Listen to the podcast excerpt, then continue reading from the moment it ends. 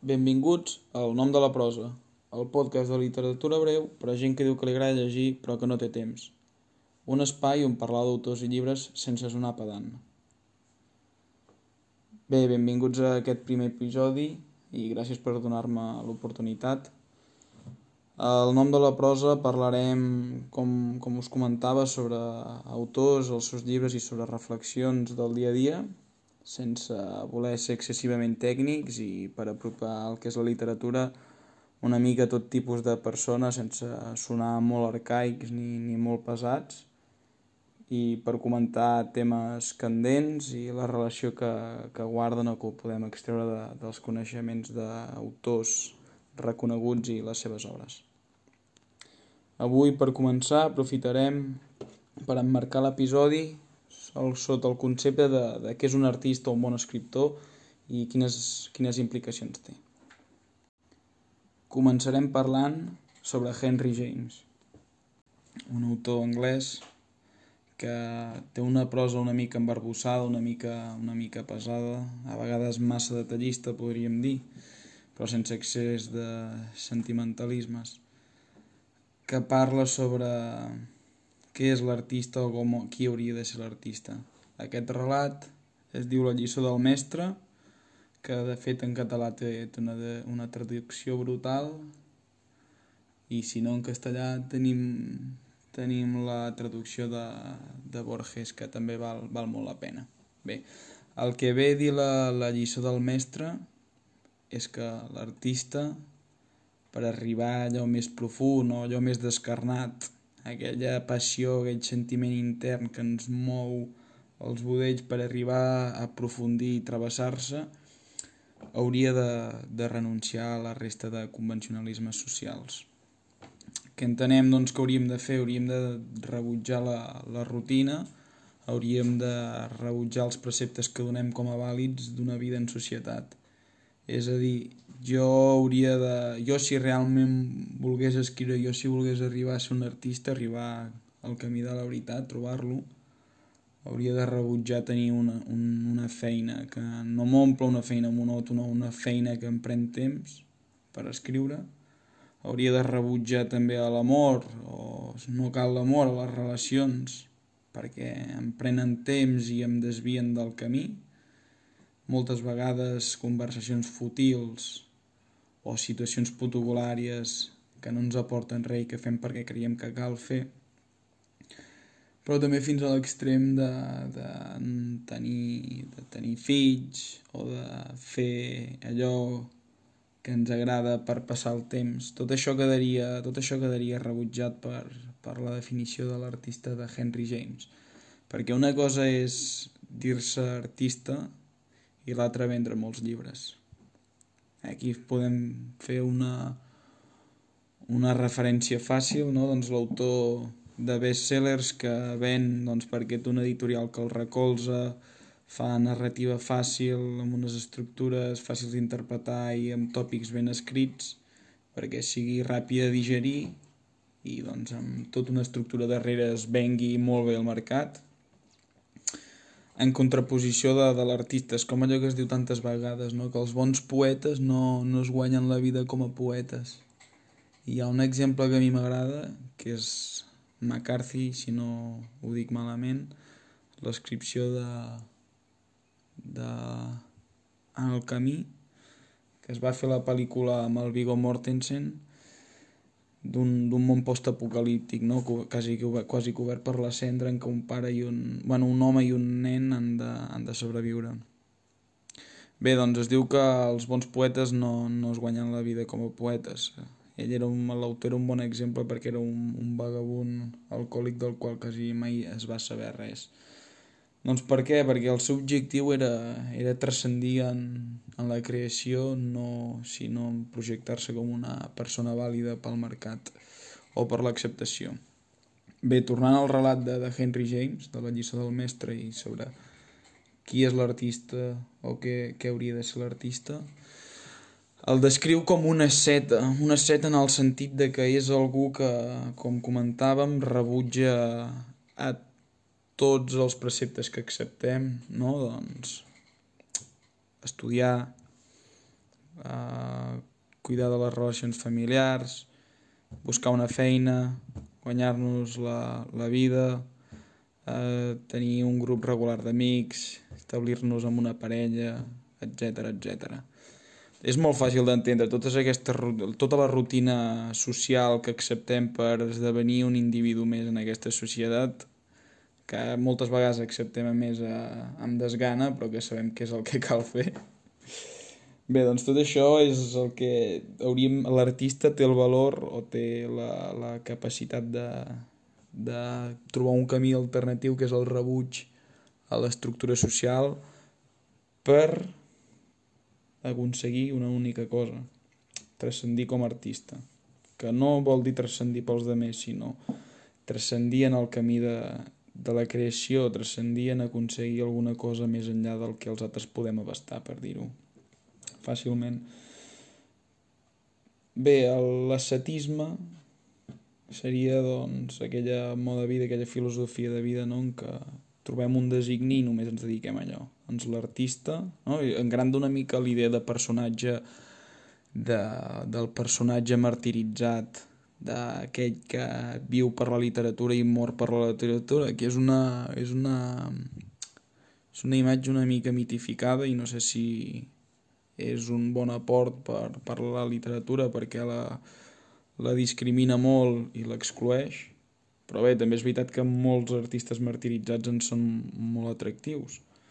No? Tots aquests autors descarnats, romàntics, del, del romanticisme alemany, no? com Goethe o Holderlin, però també tenim un Kafka, algú obsessionat amb la, amb la cerca estètica i arribar a quelcom més, no? que treballava de, en una asseguradora perquè ell el que volia realment era dedicar-se a la literatura, doncs tota aquesta gent, tota, tots aquests setes, aquests personatges quasi martiritzats perquè ho suprimeixen quasi bé podríem dir no, el que, els que, els, allò que els fa mundans, allò que els fa humans, quasi bé, per, per entregar-se un únic ideal, no? que és escriure. Escriure per crear.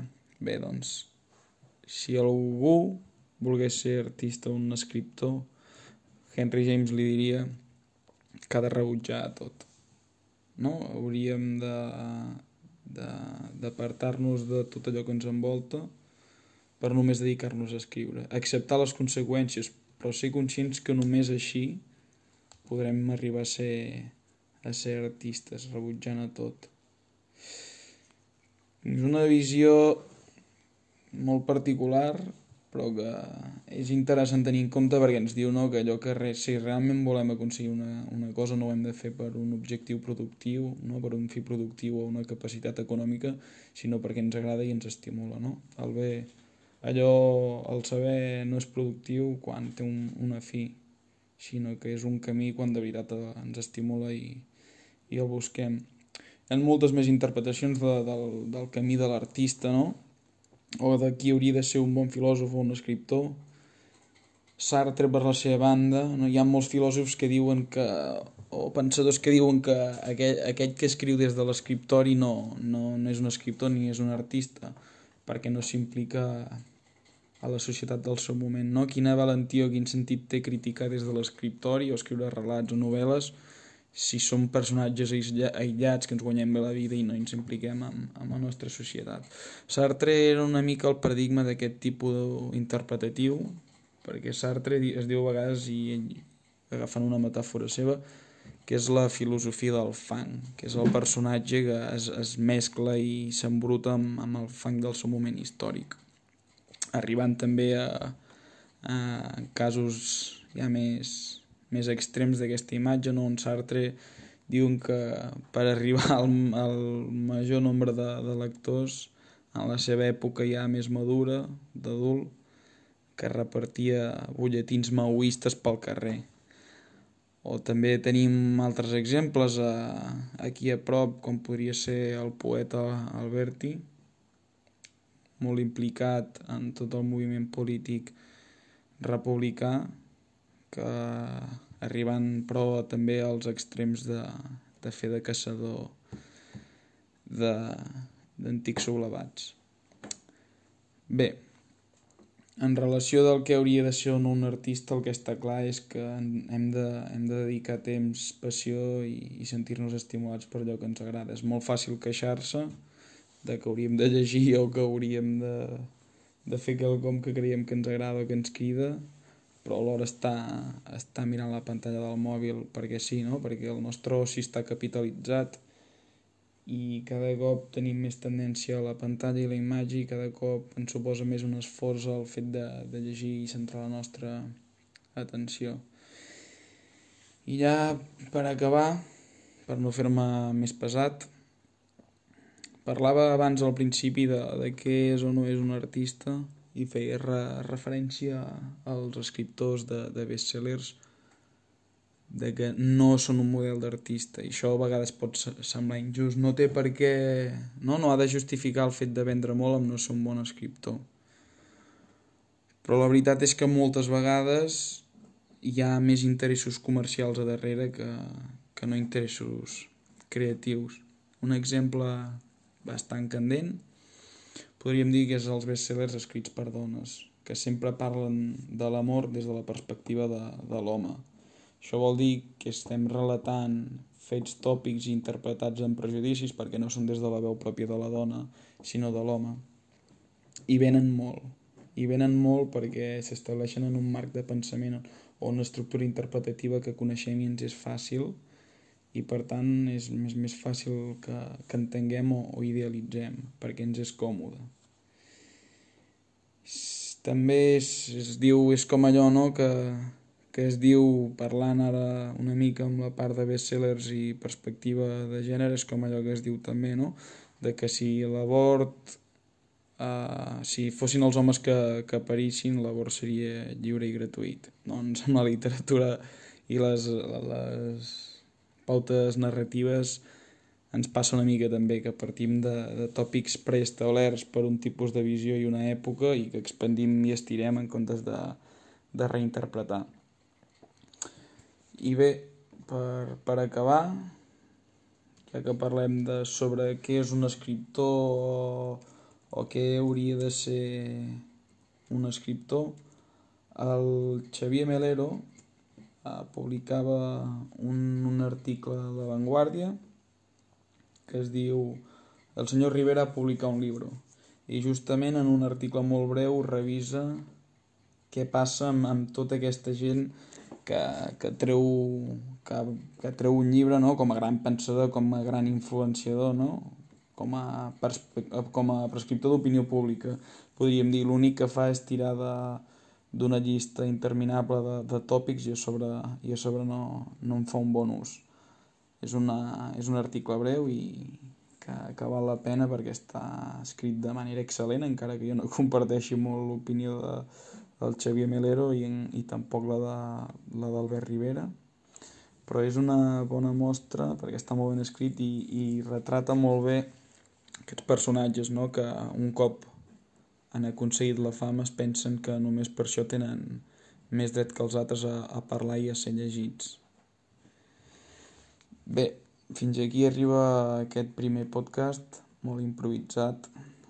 Uh, Espero que us hagi agradat, no, no dubteu en donar-me les, les vostres suggerències, segurament ho hauré fet una, una mica malament, però bé, com us deia, el nom de la prosa és un podcast breu per gent que diu que li agradaria llegir però que no té temps.